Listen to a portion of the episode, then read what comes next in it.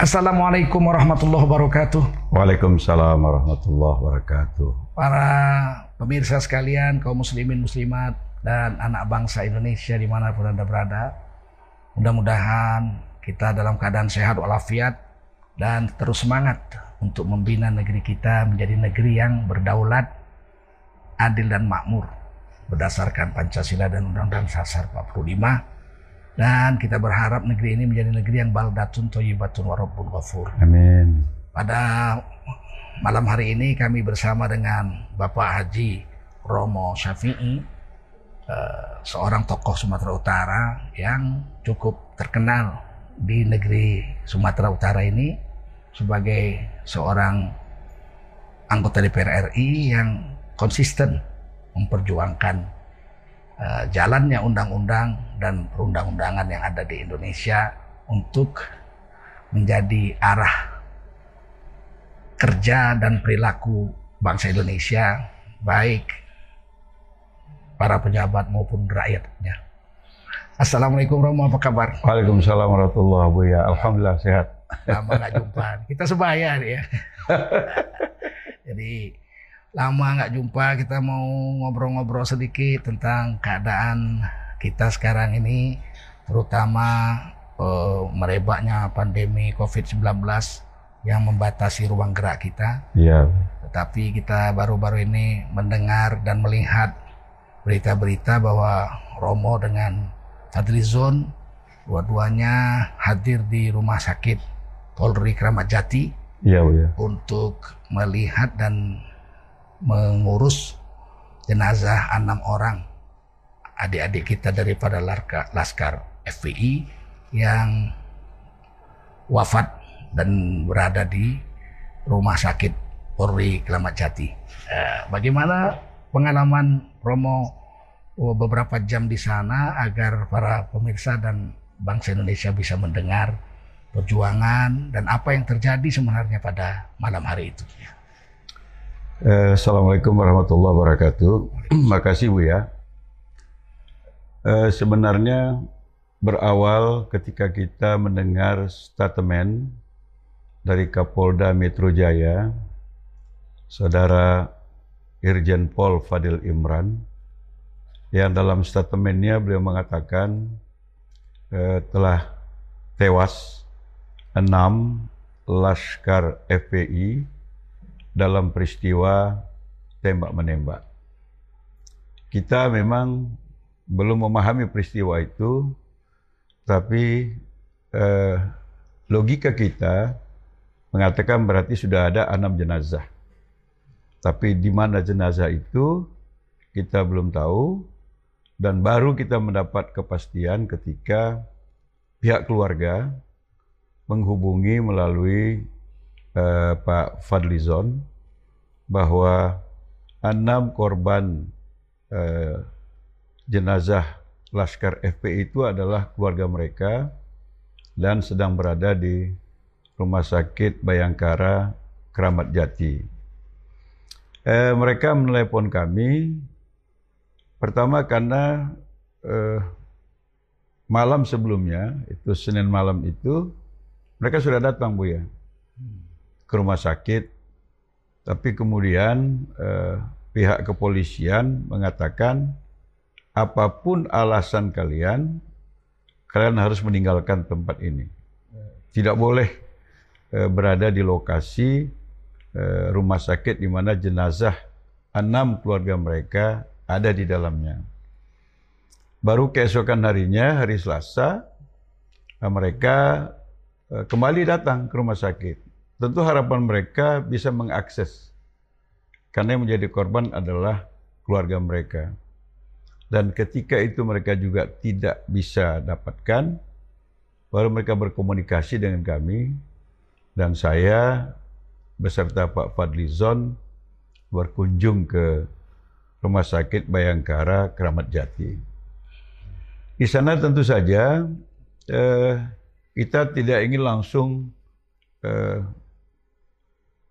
ingin melihat bagaimana kondisi jenazah, tapi ingin bertemu lebih dahulu dengan perwira polisi yang bertanggung jawab terhadap proses uh, jenazah di rumah sakit Bayangkara itu. Eh, tapi sampai akhir perwira yang kami eh, tuju itu tidak pernah muncul.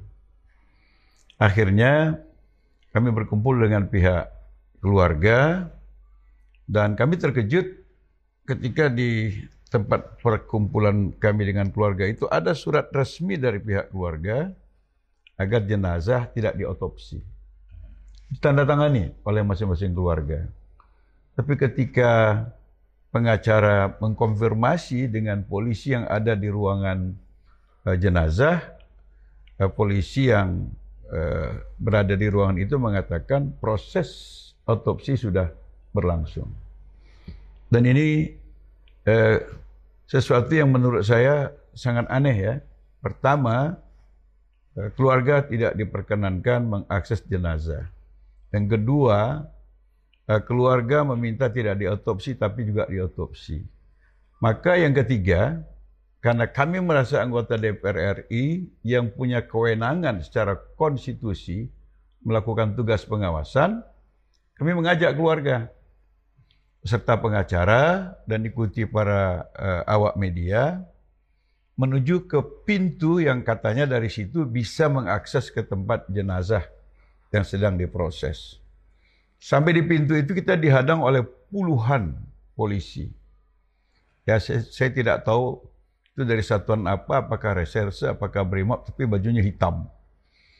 Kemudian uh, seorang yang berpakaian sipil, mungkin pimpinan mereka, mengatakan kepada Pak Fadli, eh, ini boleh masuk ke dalam satu orang keluarga dan satu orang kuasa hukum.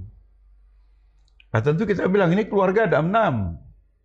Mereka bilang cuma satu keluarga, satu kuasa hukum. Kemudian Pak Fadli bilang, bagaimana dengan kami anggota DPR RI? Ini Romo ini anggota Komisi 3 yang mitra kerjanya polisi. Apakah tidak diizinkan? Uh, yang uh, berbicara kepada kami yang berpakaian sipil tadi itu mengatakan bukan tidak diizinkan pak, tapi yang diperkenankan masuk cuman keluarga dan kuasa hukum. Ya maksudnya tidak diizinkan, ya. bukan tidak diizinkan, tapi yang diperkenankan masuk itu cuman keluarga dan kuasa hukum. Saya kira ini permainan kata yang sungguh luar biasa ya. ya sama sekali betul-betul tidak menghormati konstitusi yang melekat pada kelembagaan kami sebagai anggota DPR RI yang punya eh, hak untuk melakukan tugas pengawasan.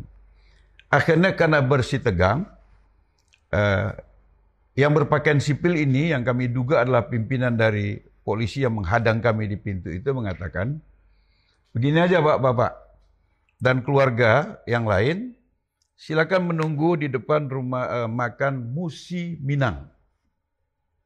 Itu masih di komplek rumah sakit itu, Ustaz. Masih di komplek rumah sakit itu. Uh, begitu kami mau bergerak, dua orang yang diperkenankan masuk tadi udah keluar. Lalu kami tanya, kalian udah ketemu? Gak ada, gak ada ketemu apa-apa. Jadi, ya udah, sama-sama aja ke depan rumah makan Musi Minang. Kita pun rame-rame ke sana, Bu ya. Menunggu kapan saatnya kita akan dipanggil ber, uh, mengakses atau mengetahui bagaimana kondisi jenazah. Lama menunggu, satu jam, dua jam. Yang terjadi kemudian bukan kami dipanggil, tapi ambulan.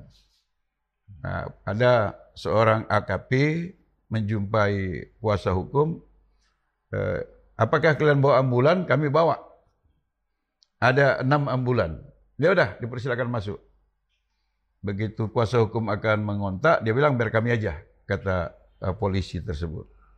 Masuklah mobil patwal polisi, masuklah satu uh, ambulan.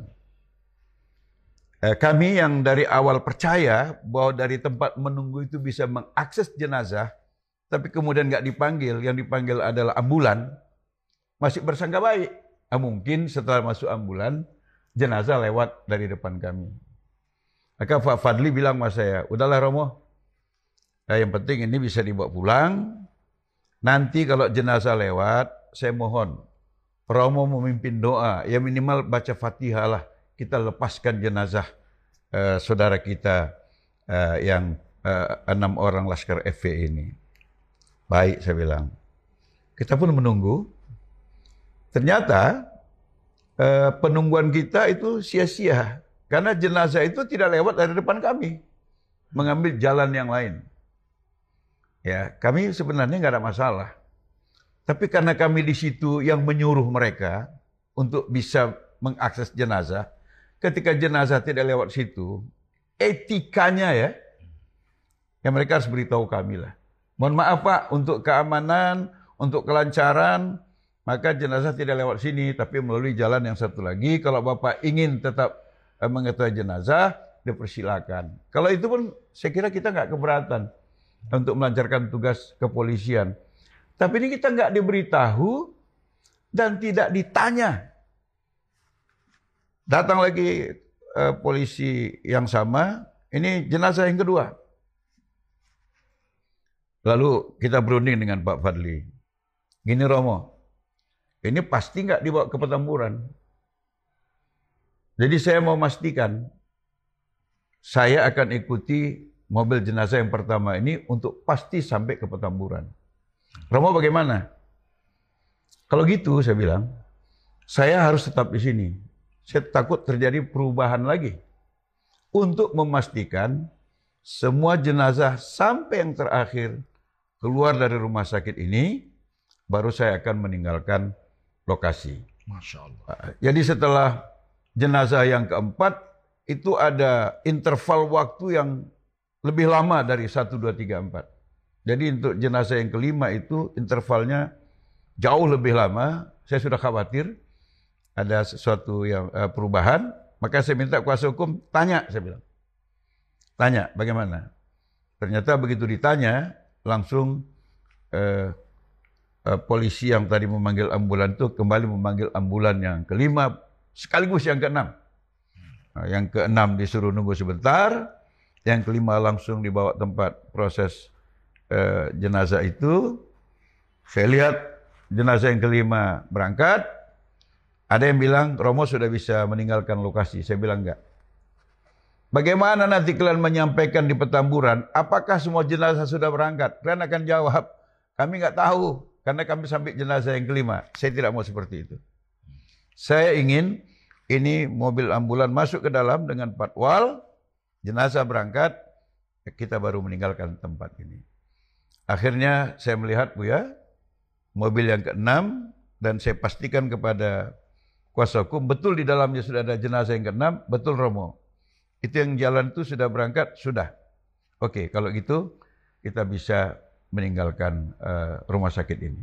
Itu, Itulah Bu ya. Itu kondisi jenazah yang yang dimasukkan ke ambulan sudah dipakai kapan kan atau masih bisa dilihat atau sudah dalam peti atau bagaimana Romo? Sudah dalam peti. Dalam peti ya. Berarti tidak sama sekali tidak pernah dilihat ya. Uh, oleh kuasa hukum, baik oleh keluarga waktu di rumah sakit Polri Kramat Jati. Informasi yang kita dapat, mereka hanya bisa melihat wajahnya.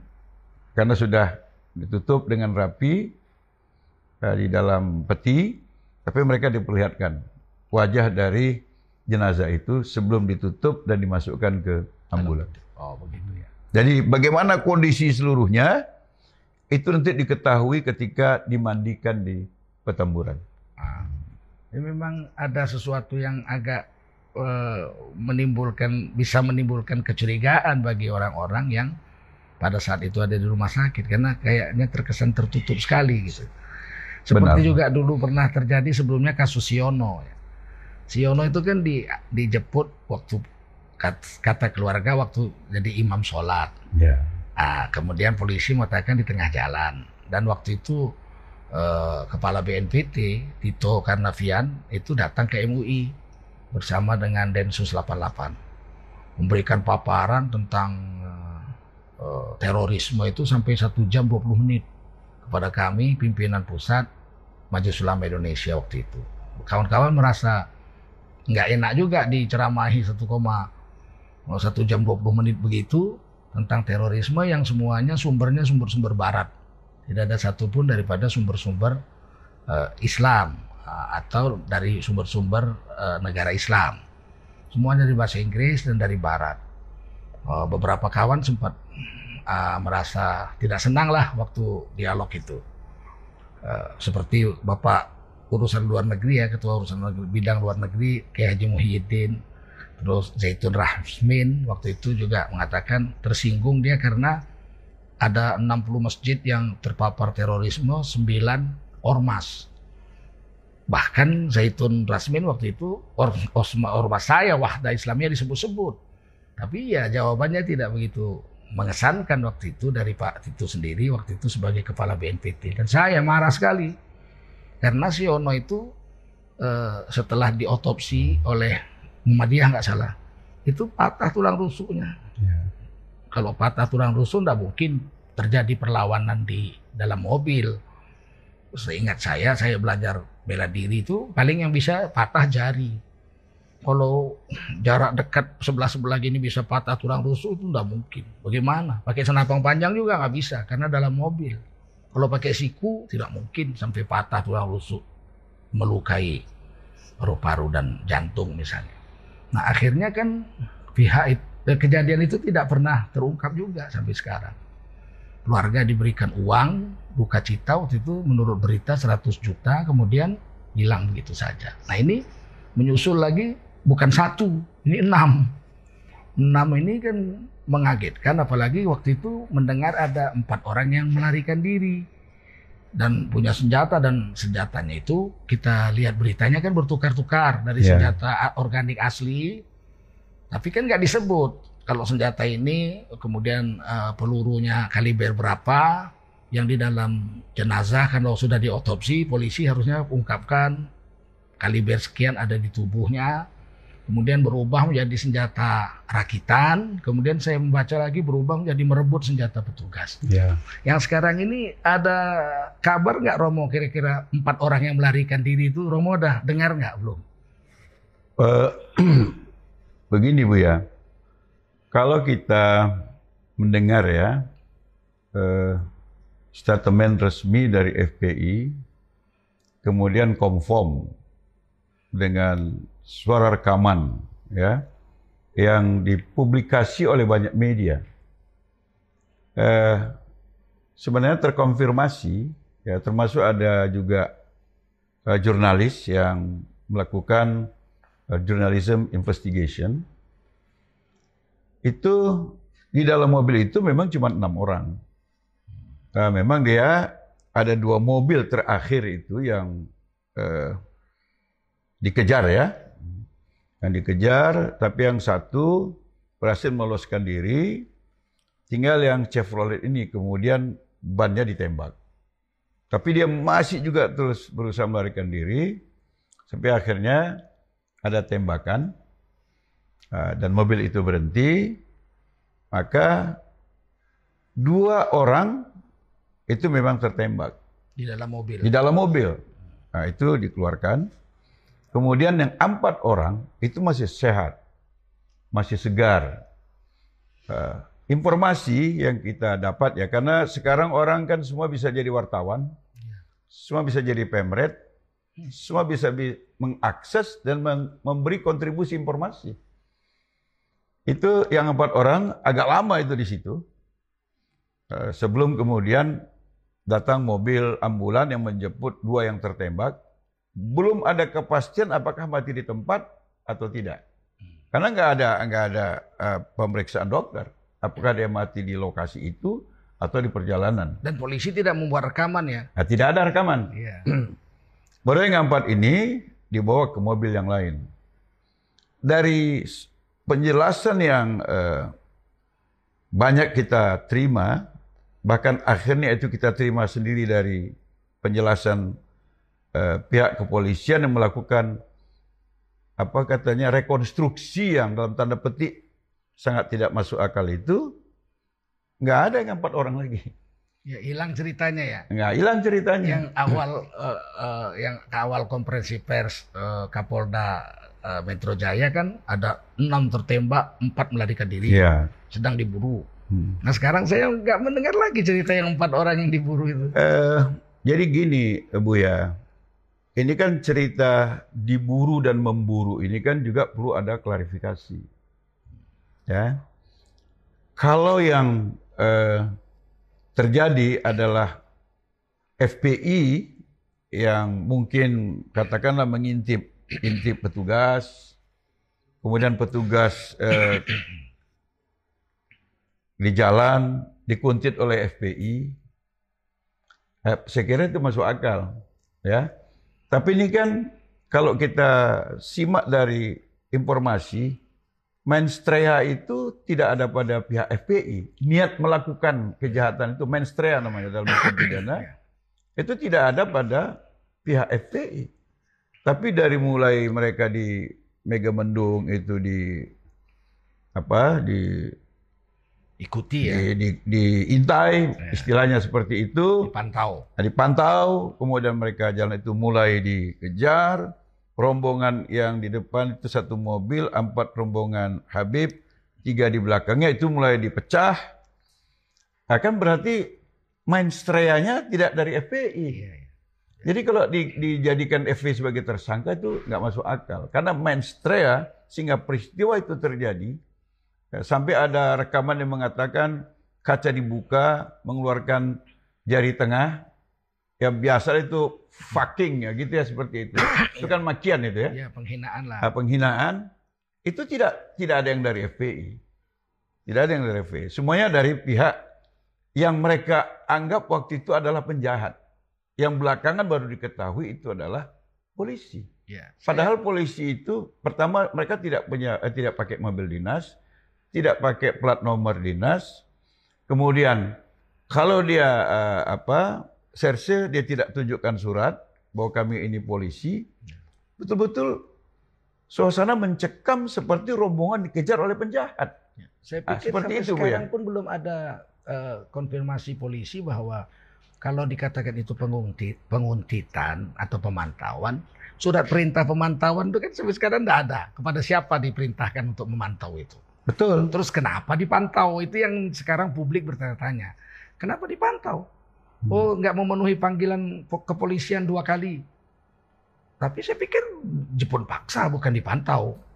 Kalau memang pemanggilan ketiga jemput paksa ya Habib Riziknya yang dijemput paksa kan, bukan rombongannya dikuntit, dipantau sedemikian rupa sehingga terjadi sampai eh, per- eh, pertumpahan darah dan tercabutnya enam nyawa ini. Saya pikir kita berharap ya eh, bangsa ini tetap baik dan kepolisian itu secara institusi tetap terjaga wibawanya. Jadi kita mau hal-hal yang bisa menimbulkan pertanyaan-pertanyaan di hati publik itu dieliminir lah, dihilangkan ya. Misalnya pemantauan itu oleh siapa? Itu kan kita perlu tahu itu. Ya. Eh, surat perintahnya dari siapa? Dari Kapolda Metro Jaya atau dari Kabar Eskrim atau dari siapa yang memantau ini? Yang katanya ada oh, apa namanya chatting-chatting suara ya, Ya. rekaman. Nah itu siapa itu orangnya? Kan sekarang udah tahu polisi yang menguntit itu yang terjadi kemudian tembak menembak kan ternyata polisi. Bukan tembak menembak Bu ya. Yang menembak. Ah yang menembak Ya. katanya. Ini kan Hmm. sekarang udah ketahuan polisi nih. Kalau dulu kan kita belum tahu siapa nih. Ya. FPI sendiri belum tahu siapa ini. Orang nggak menunjukkan surat tugas kan. Nah, dan sebagainya. Ini harusnya diberitahu, saya pikir orang-orangnya diperintah siapa, tujuannya apa. Supaya masyarakat tidak eh, bertanya-tanya.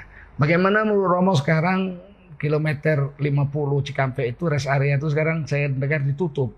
Resmi dari Kepala Jasa Marga itu ditutup untuk selamanya karena akan diadakan pelebaran jalan ya, ada jalur tambahan sehingga rest area itu dipindahkan ke rest area 71 kilometer 71.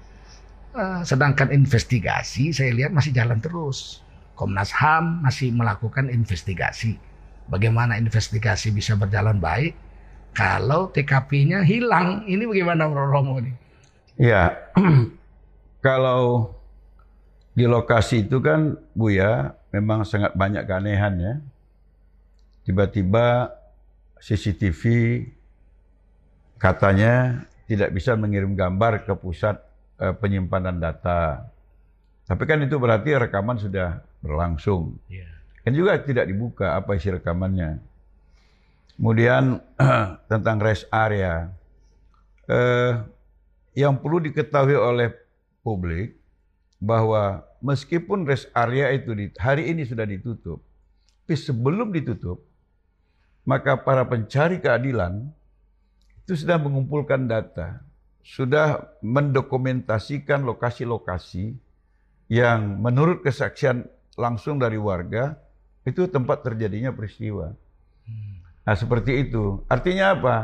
Mau rest area KM 50 ditutup, tapi dokumentasi uh, uh, lokasi kejadian itu sudah ada di tangan uh, para uh, investigator-investigator, baik dari media, dari FPI, dari Komnas HAM, dan mungkin dari yang lain. Yang menjadi pertanyaan publik juga, uh, apakah uh, seketat ini penjagaan terhadap mayat dan sebagainya itu seolah-olah uh, setara dengan teroris. Ini ada berkembang juga di masyarakat. Kalau FPI ini katakan melawan petugas, apa sampai diambil tindakan yang sedemikian dahsyat sehingga mencabut nyawa. Yang saya mendengar langsung dari keluarga uh, Laskar FPI yang enam orang ini di DPR RI Komisi 3, yeah. itu katanya tembakan itu ke dada. Jadi ke arah jantung ada yang dua tembakan, ada tiga tembakan. Bahkan ada yang kena mata kiri tembus ke belakang. Yeah. Kalau ini terjadi tembak menembak rasanya rumit, nggak mungkin dari dalam mobil tembak menembak keluar, kenaknya jantung sama mata itu kan sulit lah kalau enam enamnya posisinya seperti itu. Saya pikir masyarakat juga bertanya-tanya dan apa memang harus dilakukan tindakan penembakan sampai mati? Ya, bukankah mereka ini bukan teroris gitu? Nah, ini bagaimana menurut Rom? Apakah treatment polisi ini layak seperti ini atau kira-kira terlalu keras menurut uh, eh, SOP yang ada di kepolisian kalau hanya seorang yang menawan petugas. Banyak yang melawan petugas penjahat-penjahat, tapi ditembak kakinya saja. Saya baca-baca itu kan bandit ini tertangkap di sini melawan petugas tembak kakinya. Yeah. Tapi ini kok matinya itu tembak dada, ada yang tembak mata, tembus ke kepala ini apakah uh, pantas gitu sebagai terduga melawan petugas uh, kok treatmentnya seperti yang menjadi pertanyaan publik juga uh, apakah oh, seketat ini penjagaan terhadap mayat dan sebagainya itu seolah-olah uh, setara dengan teroris. Ini ada berkembang juga di masyarakat. Kalau FPI ini katakan melawan petugas, apa sampai diambil tindakan yang sedemikian dahsyat sehingga mencabut nyawa. Yang saya mendengar langsung dari keluarga uh, Laskar FPI yang enam orang ini di DPR RI Komisi 3 yeah. itu katanya tembakan itu ke dada. Jadi ke arah jantung ada yang dua tembakan, ada tiga tembakan. Bahkan ada yang kena mata kiri tembus ke belakang. Yeah. Kalau ini terjadi tembak menembak rasanya rumit, nggak mungkin dari dalam mobil tembak menembak keluar, kenaknya jantung sama mata itu kan sulit lah kalau enam enamnya posisinya seperti itu. Saya pikir masyarakat juga bertanya-tanya dan apa memang harus dilakukan tindakan penembakan sampai mati? Uh, bukankah mereka ini bukan teroris gitu? Nah, ini bagaimana menurut Rom? Apakah treatment polisi ini uh, layak seperti ini atau kira-kira terlalu keras menurut uh, eh, SOP yang ada di kepolisian kalau hanya seorang yang menawan petugas? Banyak yang melawan petugas penjahat-penjahat, tapi ditembak kakinya saja. Saya baca-baca itu kan bandit ini tertangkap di sini melawan petugas tembak kakinya. Yeah. Tapi ini kok matinya itu tembak dada, ada yang tembak mata, tembus ke kepala. Ini apakah uh, pantas gitu sebagai terduga melawan petugas? Uh, kok treatmentnya seperti seorang teroris yang bersenjata yang sudah sangat membahayakan. Ini bagaimana menurut Romo kira-kira? Uh, gini Bu ya, kita bisa ungkap dari dua sisi. Dari sisi SOP, maka ketika ada keadaan bahaya, yang pertama harus dilakukan oleh kepolisian adalah tembakan peringatan.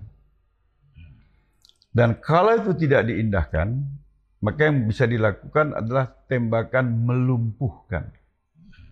Berarti kakinya ya. ya. ya. Pokoknya melumpuhkan, ya. bukan menghilangkan nyawa. Ya, tindakan menghilangkan nyawa itu itu hanya bisa terjadi ketika penjahatnya menodongkan senjata dan sudah uh, berbunyi klik untuk menarik pelatuk itu, itu mereka boleh melakukan pembunuhan. Uh, ini ini kan tidak terungkap karena katanya ada perebutan senjata. Apakah senjatanya sudah direbut? Kalau sudah direbut, dengan apa lagi polisi menembak mereka? Ya, ini ini logis ya. Nah, itu kan itu itu itu uh, kondisi dari sisi SOP. Yang kedua, dari segi fakta kejadian, itu kan informasinya empat orang itu tidak diborgol. Ini kan sudah aneh lagi. Iya, iya betul. Sedangkan Habib Rizik di tempat uh, di di Mapolda dengan pakai sorban, dengan pakai jubah, tidak bawa senjata, tidak bawa senjata, dan nggak mungkin merebut karena dan sendiri. tidak ya. mungkin merebut senjata, itu diborgol. Ya. Ya, diborgol. Ini temannya baru terbunuh di lokasi kejadian di luar markas. Katanya tidak diborgol, yang tiga ditaruh di belakang, yang satu ditaruh di tengah, baru polisi di sebelahnya, yang satu lagi ada di depan. Oke? Okay? Kalau memang penembakan itu terjadi karena perebutan senjata, pertanyaannya, mereka kan menghadap ke depan. Ini yang eh, korbannya di belakang. Ya kalau saya ya, menembak itu, pasti saya begini. Itu arah peluru, itu pasti dari bawah ke atas. Ya sehebat-hebatnya, itu pasti bagian atas. Tapi ini di dada. Kalau kita hitung isi uh, isi peluru di satu senjata itu, itu paling enam. enam. Ini jumlah tembakan yang mengenai para korban itu itu lebih dari itu. 19 atau 18. 18. Ya. Itu kan uh, semuanya semakin membuat apa yang diinfokan oleh pihak kepolisian itu tidak didukung. Ya. Oleh fakta dan logika-logika yang sederhana seperti itu. Ya, saya teringat waktu kasus Siono itu yang dibicarakan di Majelis Ulama Indonesia, Eh, Pak Tito juga mengatakan Siono itu tidak diborgol. Ya. Padahal sudah dibawa dua hari, kalau nggak salah saya keliling. Maaf Ustaz ya, minum. Ya, menunjukkan kawan-kawannya di mana teroris-teroris yang lain.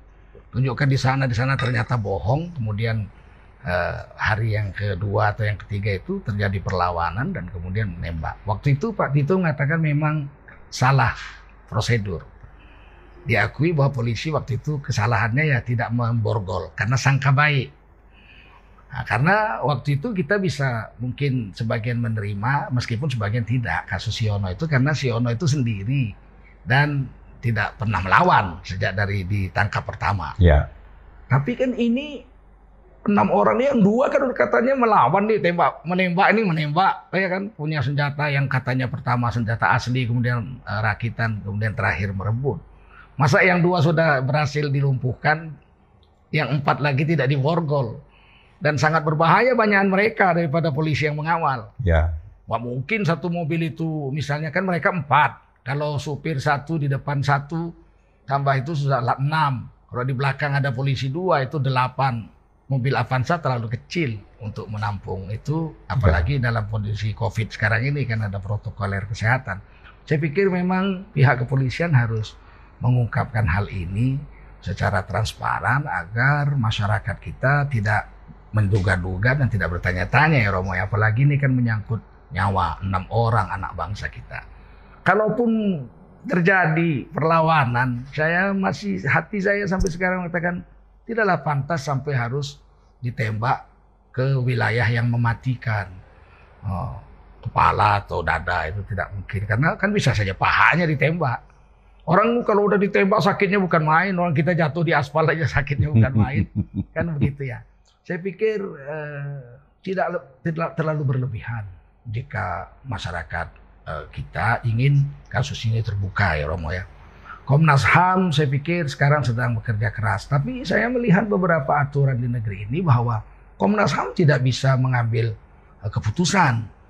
Mereka hanya menyelidiki saja peristiwa yang sebenarnya menurut Komnas HAM, tapi mengambil keputusan tetap di tangan uh, pimpinan negara ya. Nah, ini bagaimana menurut Romo? Apakah nanti hasil Komnas HAM ini bisa membuat satu hasil keputusan atau hanya sekedar uh, deskripsi kejadian Tapi nanti pengambil keputusan tetap di tangan pejabat negara dalam hal ini Kapolri atau Presiden misalnya. Uh, pertama soal senjata Bu ya. Sebenarnya kalau memang bisa dibuktikan itu berada di tangan laskar, apalagi milik laskar, eh, terlalu gegabah saya kira kalau pernyataan itu tidak disertai dengan dokumen kaliber sesuai enggak peluru yang bersarang dengan uh, senjata yang ditunjukkan. Kemudian ini terregister atas nama siapa dan Kalau karena pemilikan asli. pemilikan senjata di Republik ini masih masih Sangat lang, masih susah. berat, masih berat. Iya, Jadi berat. dari nomor registernya saja itu pasti diketahui bahwa senjata, senjata ini milik asli. siapa, senjata, senjata asli. asli. Nah, seperti itu. Itu dari segi senjata. Kemudian dari segi uh, Komnas HAM. Uh, memang Komnas HAM memiliki kewenangan untuk menginvestigasi semua abuse of power. Karena ideologi Komnas HAM itu adalah mengawasi kinerja kekuasaan dan penguasa. Karena tidak ada pelanggaran HAM kalau yang melakukan warga. Kalau warga melakukan uh, kejahatan itu namanya kriminal. Tapi kalau kekuasaan itu uh, melakukan kejahatan itu namanya pelanggaran HAM. Karena itu Komnas mengumpulkan eh, semua informasi, semua bahan, semua bukti dan segala macam dan dia nanti mengambil kesimpulan. Kesimpulan ini ya, ini menjadi uh, data hukum, Ustadz. Sayangnya kita belum punya pengadilan HAM. Maka tetap ini dibawa menjadi alat bukti di pengadilan sipil, biasa, pengadilan biasa seperti itu.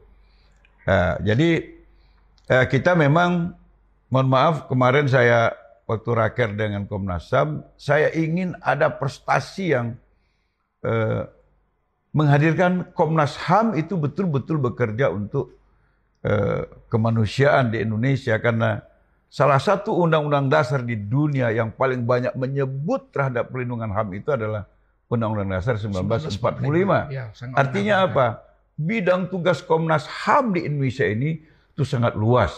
Maka pantas kalau hari ini saya, mungkin juga Buya dan masyarakat Indonesia berharap agar Komnas HAM bisa memberikan hasil investigasinya sesuai dengan fakta yang ada. Uh, memang sebenarnya Bu ya, kita akan sulit juga uh, bisa menyimpulkan objektivitas ya dari penyelidikan yang dilakukan siapa pun, apalagi yang dilakukan oleh polisi. Maka dari awal sebenarnya uh, beberapa anggota DPR, tokoh-tokoh nasional, dan belakangan hampir seluruh rakyat Indonesia berkeinginan dibentuk tim independen Ya. tim gabungan pencari fakta. Dalam tim gabungan pencari fakta ini, itu yang ditempatkan harus benar-benar orang yang netral. Jadi tidak dari pihak kepolisian, tidak dari FPI, tapi yang mereka tidak punya konflik of interest terhadap peristiwa yang mereka selidiki itu, tapi yang berkompeten. Nah, saya melihat ini eh, apa jalan yang sangat objektif, yang sangat adil yang sebenarnya kalau presiden ini memang melaksanakan tugas yang melindungi segenap bangsa dan seluruh tumpah darah Indonesia harus uh, membuat kebijakan pembentukan tim gabungan, ya, pencari, gabungan fakta. pencari fakta itu. Tapi dari awal-awal malah dia sudah tidak setuju karena mengatakan ada Komnas HAM. Komnas HAM juga sebenarnya menurut undang-undang, Bu ya, masih bisa membuat tim gabungan dengan melibatkan uh, apa Eh, masyarakat. Nah, tentu yang yang netral, yang yang yang berkompeten. Tapi itu kan belum dilakukan Komnas HAM, sementara tim gabungan pencari fakta tidak terbentuk, maka menurut saya agak sulit ya, agak sulit kita eh, kemudian eh, mengatakan apa pun yang menjadi kesimpulan nanti itu adalah kesimpulan yang adil dan objektif. Dibandingkan dengan kasus pembunuhan di Papua pendeta yang di Papua dan orang sipil itu kan presiden langsung meminta untuk dibuat tim gabungan pencari fakta, tim pencari fakta. Tapi eh, kasus ini tidak. Eh, ada beberapa pandangan dari masyarakat kita bahwa eh, ada upaya dari eh, sekelompok atau katakan kelompok yang dirasakan ter- terdesak dalam kasus ini ingin peristiwa ini tidak menjadi peristiwa eh, pelanggaran HAM, tapi ingin sebagai peristiwa kriminal biasa saja. Bahwa Laskar FPI melawan petugas kemudian terjadi ter- keterbunuhan ini. Jadi nggak usah dipakai-pakai eh, eh, apa investigasi HAM-nya karena bukan polisi yang membunuh ini. Kira-kira begitu. Ini terjadi kriminal biasa ini. Upaya ini kelihatan atau enggak oleh Romo ini kira-kira? Gini Bu ya, bahwa peristiwa ini antara Laskar FPI dengan polisi itu yang yang membuat pernyataan polisi. Ya, Kapolda. Walau mereka masih menggunakan diksi tembak menembak. Tapi setelah rekonstruksi, kan diksi itu mereka bantah sendiri. Ya. Ya, mereka bantah sendiri. Nah, yang tidak bisa lagi dihapus adalah yang melakukan penembakan itu adalah polisi. Itu nggak bisa mereka hapus.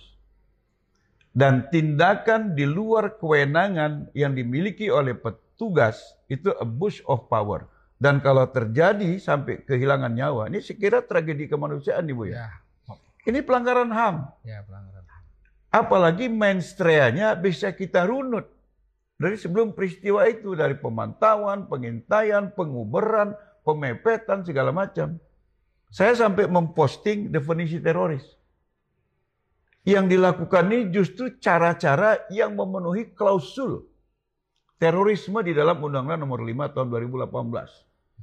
Ya, ancaman ah, tindakan kekerasan atau ancaman kekerasan yang dapat menimbulkan korban secara massal dan eh, merusak eh, apa eh, objek-objek vital baik nasional maupun internasional dengan motif ya politik, ideologi dan gangguan keamanan terpenuhi unsurnya. Jadi sebenarnya melakukan tindakan teror ini bukan FPI. Karena mainstrea dari awal itu tidak dari FPI. Ya. Karena mereka jalan beriringan. Mereka dibuntuti, dipepet, barisan dipotong. Mainstreanya sudah terbaca. Dan dari kacamata FPI yang melakukan ya. kecuali FPI yang melakukan itu. Iya. Ini bukan. Nah, kalau FPI melakukan berarti mainstrea itu ada pada FPI. Tapi ini bukan. Lalu siapa? Karena hanya ada dua pihak seperti yang diakui oleh Kapolda Metro Jaya, berarti pihak kepolisian. Maka ini tidak bisa digeser dari kasus pelanggaran HAM berat. Ya, karena sudah lebih dari eh, lima nyawa. Karena ada kesepakatan internasional pembantaian yang menyebabkan pelanggaran HAM berat itu kalau korbannya eh, lima orang atau lebih. Ini enam. Enam berarti terpenuhi. Nah, berarti sudah terpenuhi. Jadi Seperti kalau itu, Bu, ada ya. upaya ini menjadi kasus kriminal biasa, kriminal biasa, bukan pelanggaran HAM, saya pikir eh, tim daripada investigasi Komnas HAM harus tegas di sini ya. Karena apakah ini kriminal biasa atau ada pelanggaran HAM. Tapi saya pikir dengan turunnya Komnas HAM, sebenarnya ini sudah secara tanda kutip eh, arahnya memang ini pelanggaran HAM kalau menurut saya.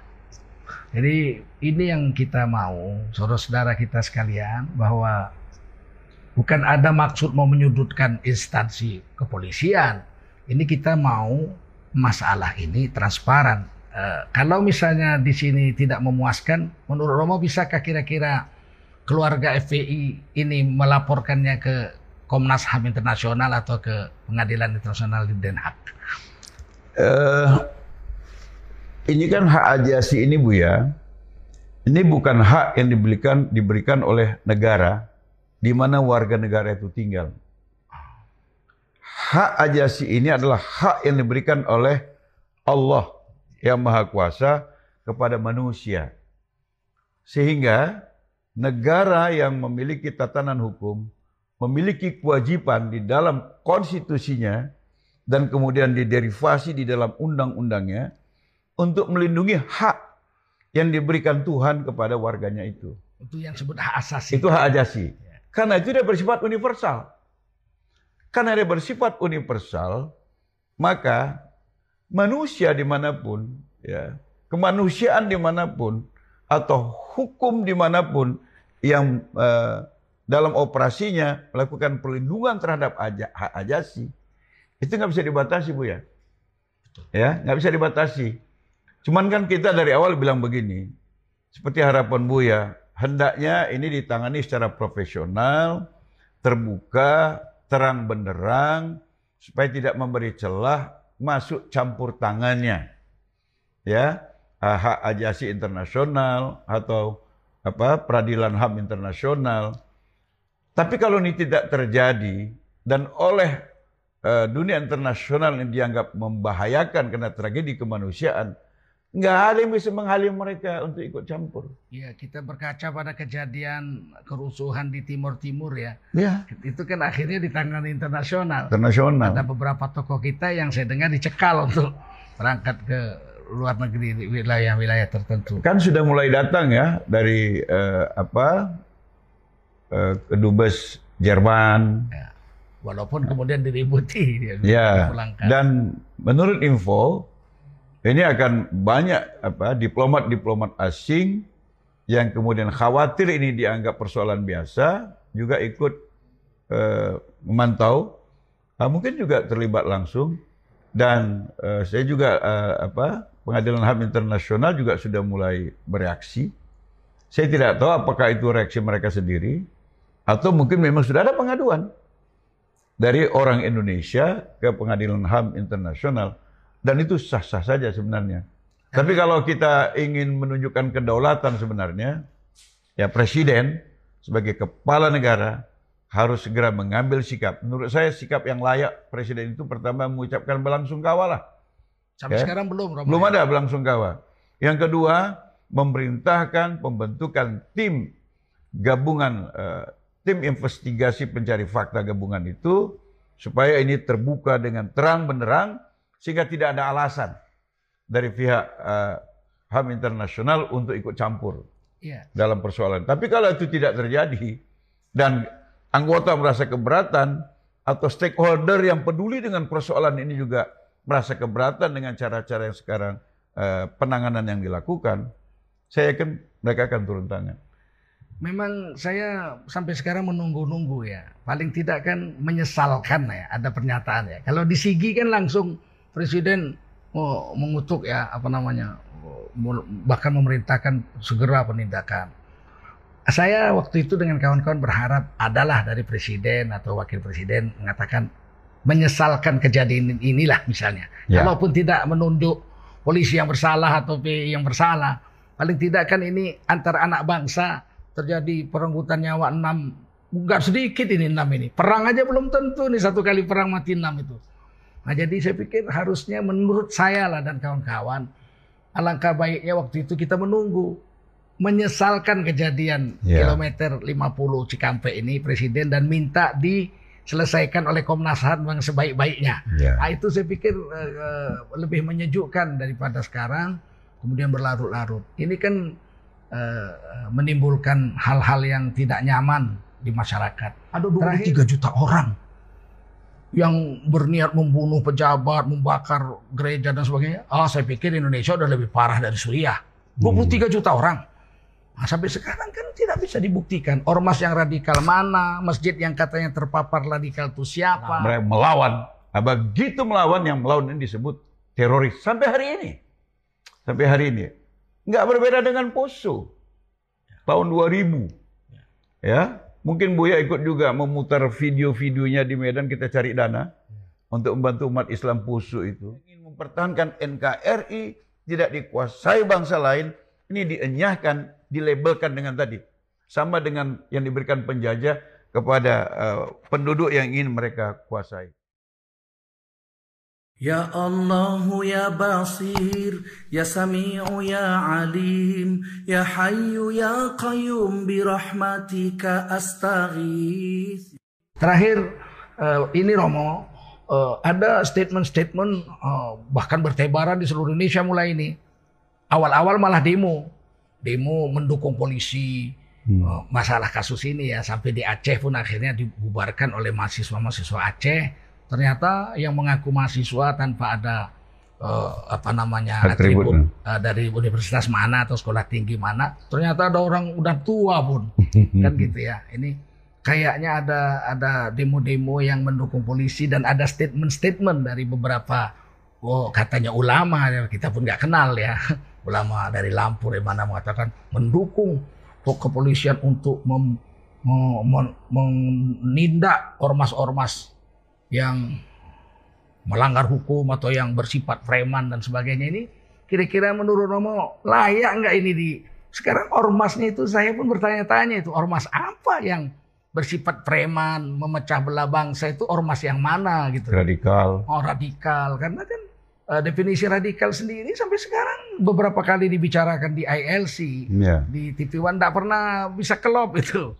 Uh, dari pihak pem, uh, pembela kepentingan atau berpihak kepada pemerintah dengan yang mengkritik pemerintah sampai sekarang tidak bisa ketahuan radikal itu apa sih? Saya ini kan radikal nomor tiga di Indonesia. Saya pun heran radikalnya di mana gitu. Oh, saya tidak pernah menumpahkan darah. Motong ayam juga saya nggak mau.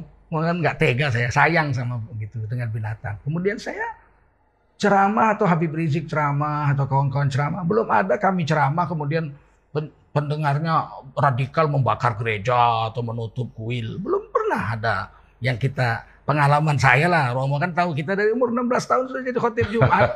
jadi di Medan udah malang melintang kita di dinas-dinas ya kan pemerintahan di Masjid Agung kayak di khotib. Saya pikir yang radikal itu apa gitu. Saya tuh dengan kawan-kawan tuh kan diposisikan 10 besar radikal tuh kita masuk ya oh, Haikal Hasan, Habib Rizik, uh, Felix Xiao, saya, Bakhtiar Nasir segala macam. Sampai sekarang saya belum pernah melihat dampak dari ceramah-ceramah kami yang membuat masyarakat jadi radikal, jadi beringas, nutup kuil, nutup gereja atau membaca orang ya. Kenapa uh, radikal ini kok jadi satu hal yang lebih berbahaya? Sekarang ini keadaannya daripada koruptor, ya kan oh, seorang menteri sanggup men, terindikasi sudah ditangkap KPK pun mencuri bantuan sosial untuk COVID-19 bagi rakyat miskin. Uh, kasus Jiwasraya, sekarang meledak pula kasus Asabri katanya malah lebih banyak lagi 17 triliun yeah. sudah ditangani Kejaksaan Agung. Dan ini kan lebih berbahaya ini. Ini kenyataan sudah terjadi merugikan bangsa dan negara, merugikan anak bangsa lah kalau radikal berbahaya apa yang pernah dibuat oleh penceramah-penceramah yang masuk ke dalam uh, kategori radikal itu. Berapa nyawa yang sudah tercabut, kerugian negara berapa?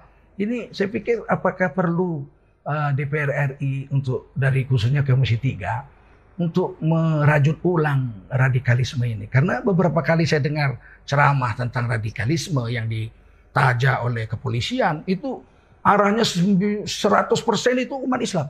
Yeah. Saya udah ikut itu. Terakhir itu di markas Kodam Jaya ya. Kodam Jaya saya hadir. Itu ada brigjen polisi yang memaparkan tentang radikalisme. Itu saya protes itu. Kenapa? Karena semuanya itu arahnya Islam. Orang Islam. Jadi tindakannya itu ya ke masjid, ke pengajian, ke apa gitu. Jadi, loh, saya pikir apa memang Islam itu radikal di Indonesia ya? Saya katakan kalau radikal 10% saja orang Islam radikal. Seperti radikal menurut mereka ya, merusak dan sebagainya. Ada 23 juta orang yang berniat membunuh pejabat, membakar gereja dan sebagainya. Ah, saya pikir Indonesia udah lebih parah dari Suriah. 23 juta orang. Nah, sampai sekarang kan tidak bisa dibuktikan. Ormas yang radikal mana, masjid yang katanya terpapar radikal itu siapa, kalau ustadz yang radikal itu resmi dari negara juga nggak ada. Itu kan cuma kelompok-kelompok kecil yang membuat-buat uh, katanya penelitian.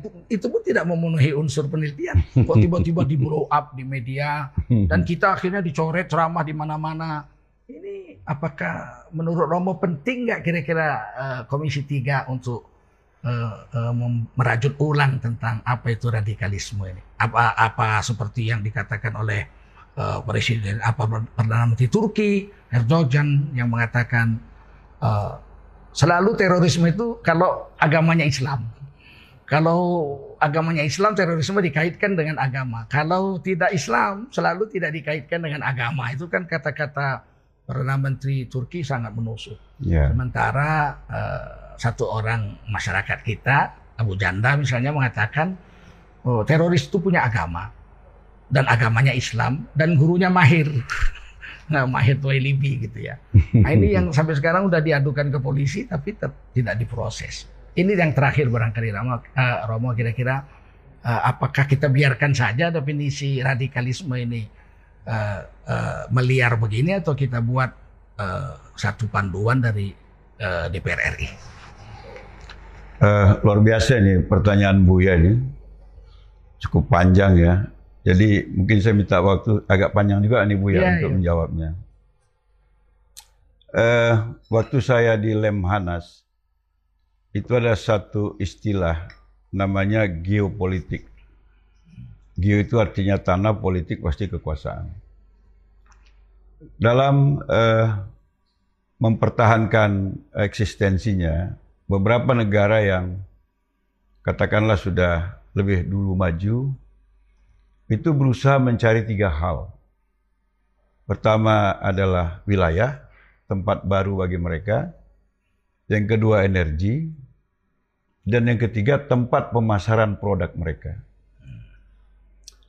Eh, ternyata ketiga-tiga ini itu banyak berada di wilayah-wilayah yang dikuasai oleh pemerintahan dalam tanda petik Islam. Dalam tanda petik Islam. oleh karena itu, eh, pengalaman-pengalaman sebelumnya juga, ketika akan mendapatkan wilayah itu, ketika akan merebut energi itu, ketika akan menjadikan tempat itu sebagai tempat pemasaran bagi mereka, mereka selalu akan berhadapan dengan umat Islam. Kenapa umat Islam? Karena umat Islam adalah memang pemilik dari apa yang mereka cari. Mereka hidup di wilayah itu.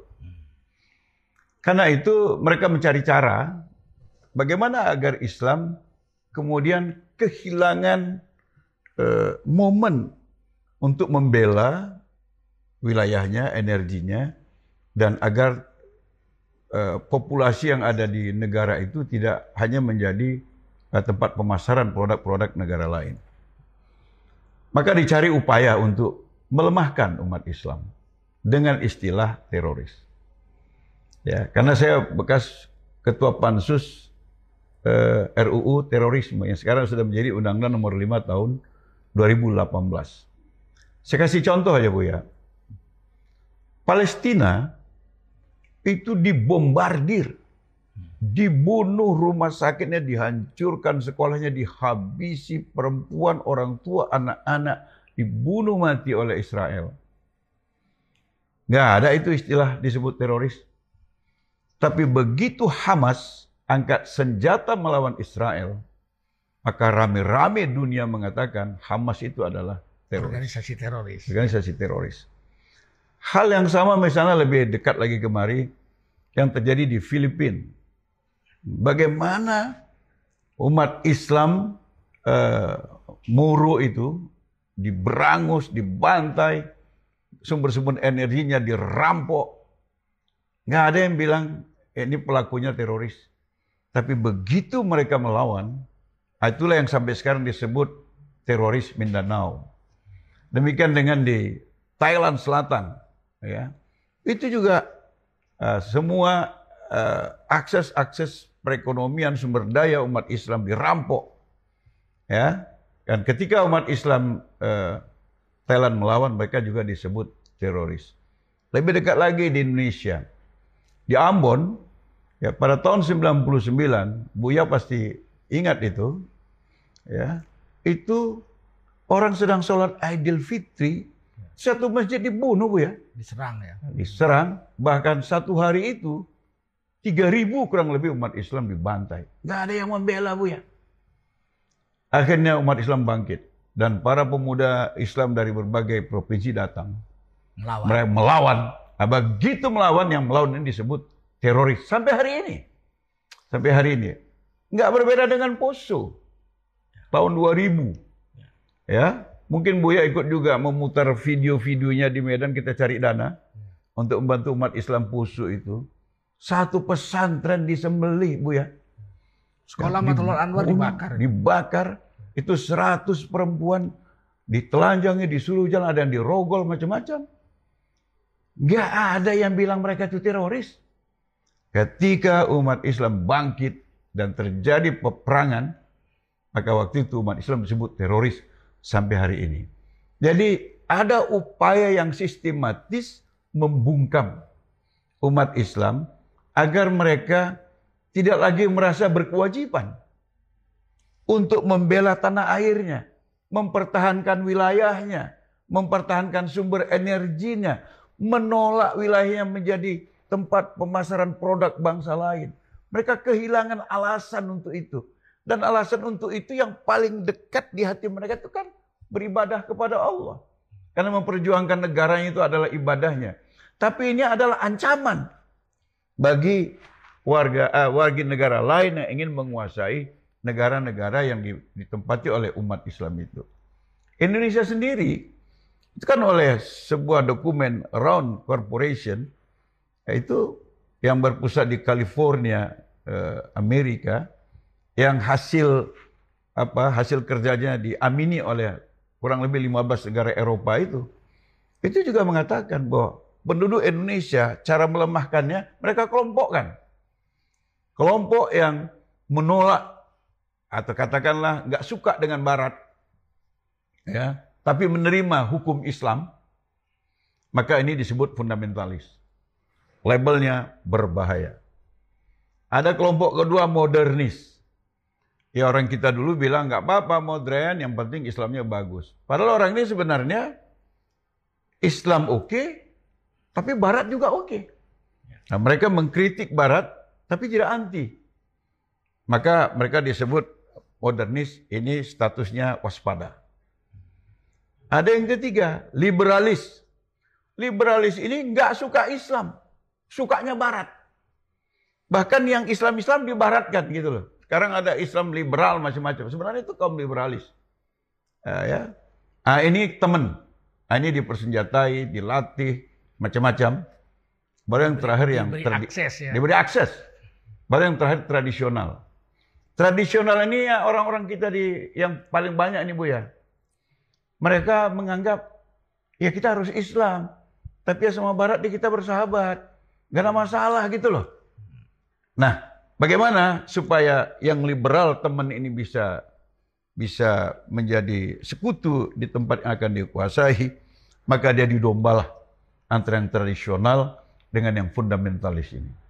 Saya kira ini sedang terjadi di Indonesia. Seluruh dunia barangkali. Seluruh dunia. Maka mereka yang masih setuju dengan hukum Islam, macam Buya, ya Buya disebut radikal, fundamentalis. Ya kan? Dan itu istilah yang baku dari semua penjajah di seluruh dunia. Ya. Siapa itu uh, apa? Imam Bonjol. Siapa itu di Ponegoro? Di mata penjajah? Iya. Itu ekstremis. Iya. Itu radikal. Jadi istilah itu belum bergeser sebenarnya. Tapi kan bagi Indonesia yang kemudian waktu itu masih ingin Indonesia ini merdeka, berdaulat, sejahtera, adil dan makmur berdasarkan Pancasila dan UUD 45, maka orang-orang itu disebut pahlawan. Tapi kalau keinginan negara lain sekarang sedang terjadi, ya menguasai Indonesia sepenuhnya ya, ah, ini bisa, jadi itu enggak ini. Makanya pelajaran sejarah udah mulai dihilangkan. Supaya nggak ada kebanggaan lagi kepada pahlawan-pahlawan ini, Bu ya. Supaya ada kebanggaan lagi. Dan supaya tokoh-tokoh yang benar-benar Islam yang ingin mempertahankan NKRI tidak dikuasai bangsa lain, ini dienyahkan, dilabelkan dengan tadi. Sama dengan yang diberikan penjajah kepada eh, penduduk yang ingin mereka kuasai. Ini sedang terjadi. Sayangnya, Bu ya, waktu itu seluruh hampir semua rakyat Indonesia melawan. Kalau hari ini sebahagian sudah menjadi kaki tangan mereka. Inilah yang saya sebut dengan invisible hand. Jadi pemerintah Indonesia memang di atas kertas ya, itu memang masih dipilih oleh rakyat Indonesia. Tapi benarkah menangnya memang karena pilihan rakyat Indonesia? Yang lalu sampai ada lebih satu pesawat Boeing petugas KPU yang meninggal melaksanakan tugas. Apa penghitungan suara yang dari awal sampai akhir nggak pernah berubah segala macam segala macam itu. Benarkah? Ya hari ini kita memang sudah nggak ada masalah. Kita akui itu presiden kita. Tapi ayo kita lihat ke belakang. Benarkah itu sudah berjalan sesuai yang seharusnya? Jadi kalau Buya bilang, apakah Komisi 3 bisa merajut kembali tentang istilah radikalisme? Jawabnya cuma satu ya. Ketika bangsa Indonesia bersatu padu menyelamatkan Indonesia untuk kepentingan Indonesia tanpa rajutan itu akan terjadi. Saya ingat ceramah Buya untuk uh, apa, menguatkan dalil-dalil tadi itu. Saya, saya dengar ceramah Buya itu. Di Jepang orang kayanya orang Jepang. Di Amerika orang kayanya orang Amerika. Di Malaysia orang kayanya orang Malaysia. Di Inggris orang kayanya orang Inggris. Di Belanda orang kayanya orang Belanda. Di Indonesia orang kayanya siapa? Nah pertanyaannya, apa mereka tidak punya kepentingan untuk mengamankan kekayaan yang mereka kuasai di negeri yang bukan negeri mereka dan dikuasai, eh, di, di, di, di, ditempati oleh mayoritas umat Islam. Apa yang harus mereka lakukan? Pertama pasti menghilangkan solidaritas sesama Islam.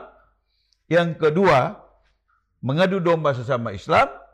Dan yang ketiga yang paling parah, mereka tidak berani lagi melakukan perjuangan, melakukan pekerjaan atas nama Islam.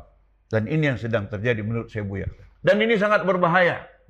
Ya kalau saya katakan kawan-kawan itu melakukan tindakan pelanggaran hukum karena kepingin dapat uang banyak, atau mensiasati agar jabatannya cepat naik. Meskipun itu salah, tapi hemat saya manusiawi lah. Memang banyak manusia yang uh, serakah seperti itu. Tapi ini sudah soal kedaulatan. Masa iya pejabat-pejabat nggak tahu seperti itu? Kita punya BIN. Masa BIN tidak bisa memberikan informasi bagaimana bahayanya kekuasaan ini akan, eh, kedaulatan ini akan diambil alih oleh orang lain. Soekarno luar biasa membuat Trisakti. Kita harus berdaulat secara politik, eh, ber, eh, berdiri di atas kaki sendiri secara ekonomi, dan memiliki eh, kepribadian secara budaya. Saya kira itu udah nggak ada, Bu ya.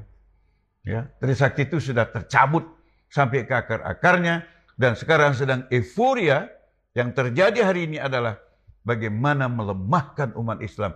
Jadi nggak usah heran kalau label radikal itu Islam, label teroris itu Islam. Kan itu yang dibuat penjajah sejak sebelum tahun 45. Berarti kaum itu sekarang yang datang. Tapi apakah bangsanya tetap itu? Kita nggak tahu. Tapi yang jelas mereka sedang datang dan memberi label kepada patriot-patriot sejati, nasionalis-nasionalis sejati dengan istilah teroris, radikal, dan sebagainya. Yang kalau ini sudah tidak ada, Bu ya, selesai. Kita akan menjadi seperti Thailand. Kita akan menjadi seperti Filipina. Kita akan menjadi seperti Singapura. Dan saya heran, kok ada pejabat sekarang yang tidak keberatan dengan itu. Jadi, kalau Buya berharap bisa dirajut ulang oleh Komisi 3, itu mustahil Buya. Mustahil. Yang benar adalah Bagaimana memberikan kesadaran kepada rakyat ini untuk tetap bertahan, eh, mempertahankan negara kesatuan Republik Indonesia dari ancaman pengambil alihan kedaulatan oleh bangsa lain yang menurut saya guru sejarah ini sedang berlangsung dan waktunya semakin dekat. Warning bagi seluruh rakyat Indonesia. Luar biasa sekali Romo, Masya Allah. Memang saudara-saudara yang mulia, kita bisa merasakan sekarang ini bahwa jangan coba-coba kita berbuat sesuatu atas nama agama Islam. Ya. Ah, akan dikatakan ini negara bukan milik orang Islam. Padahal kan motivasi untuk bergerak itu ada yang motivasinya dari agama.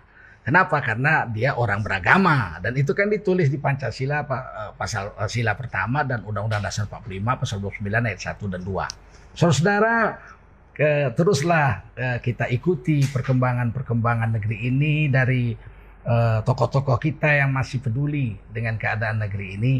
Mudah-mudahan negeri ini tetap menjadi milik kita. Tidak zaman Belanda juga dulu waktu kita dijajah, yang muncul itu Romo itu orang-orang Indonesia. Yang jadi bupati, yang jadi asisten wedana, yang jadi wedana itu kan orang-orang Indonesia, tapi orang-orang Indonesia yang bisa disetir untuk kepentingan asing atau penjajahan. Mudah-mudahan apa yang kita dialogkan malam ini ada manfaat untuk kaum muslimin dan juga bangsa Indonesia.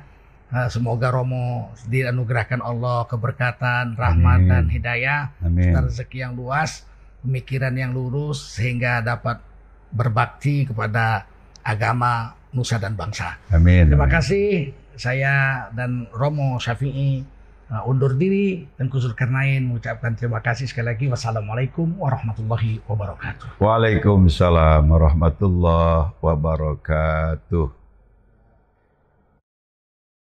يا الله يا بصير يا سميع يا عليم يا حي يا قيوم برحمتك استغيث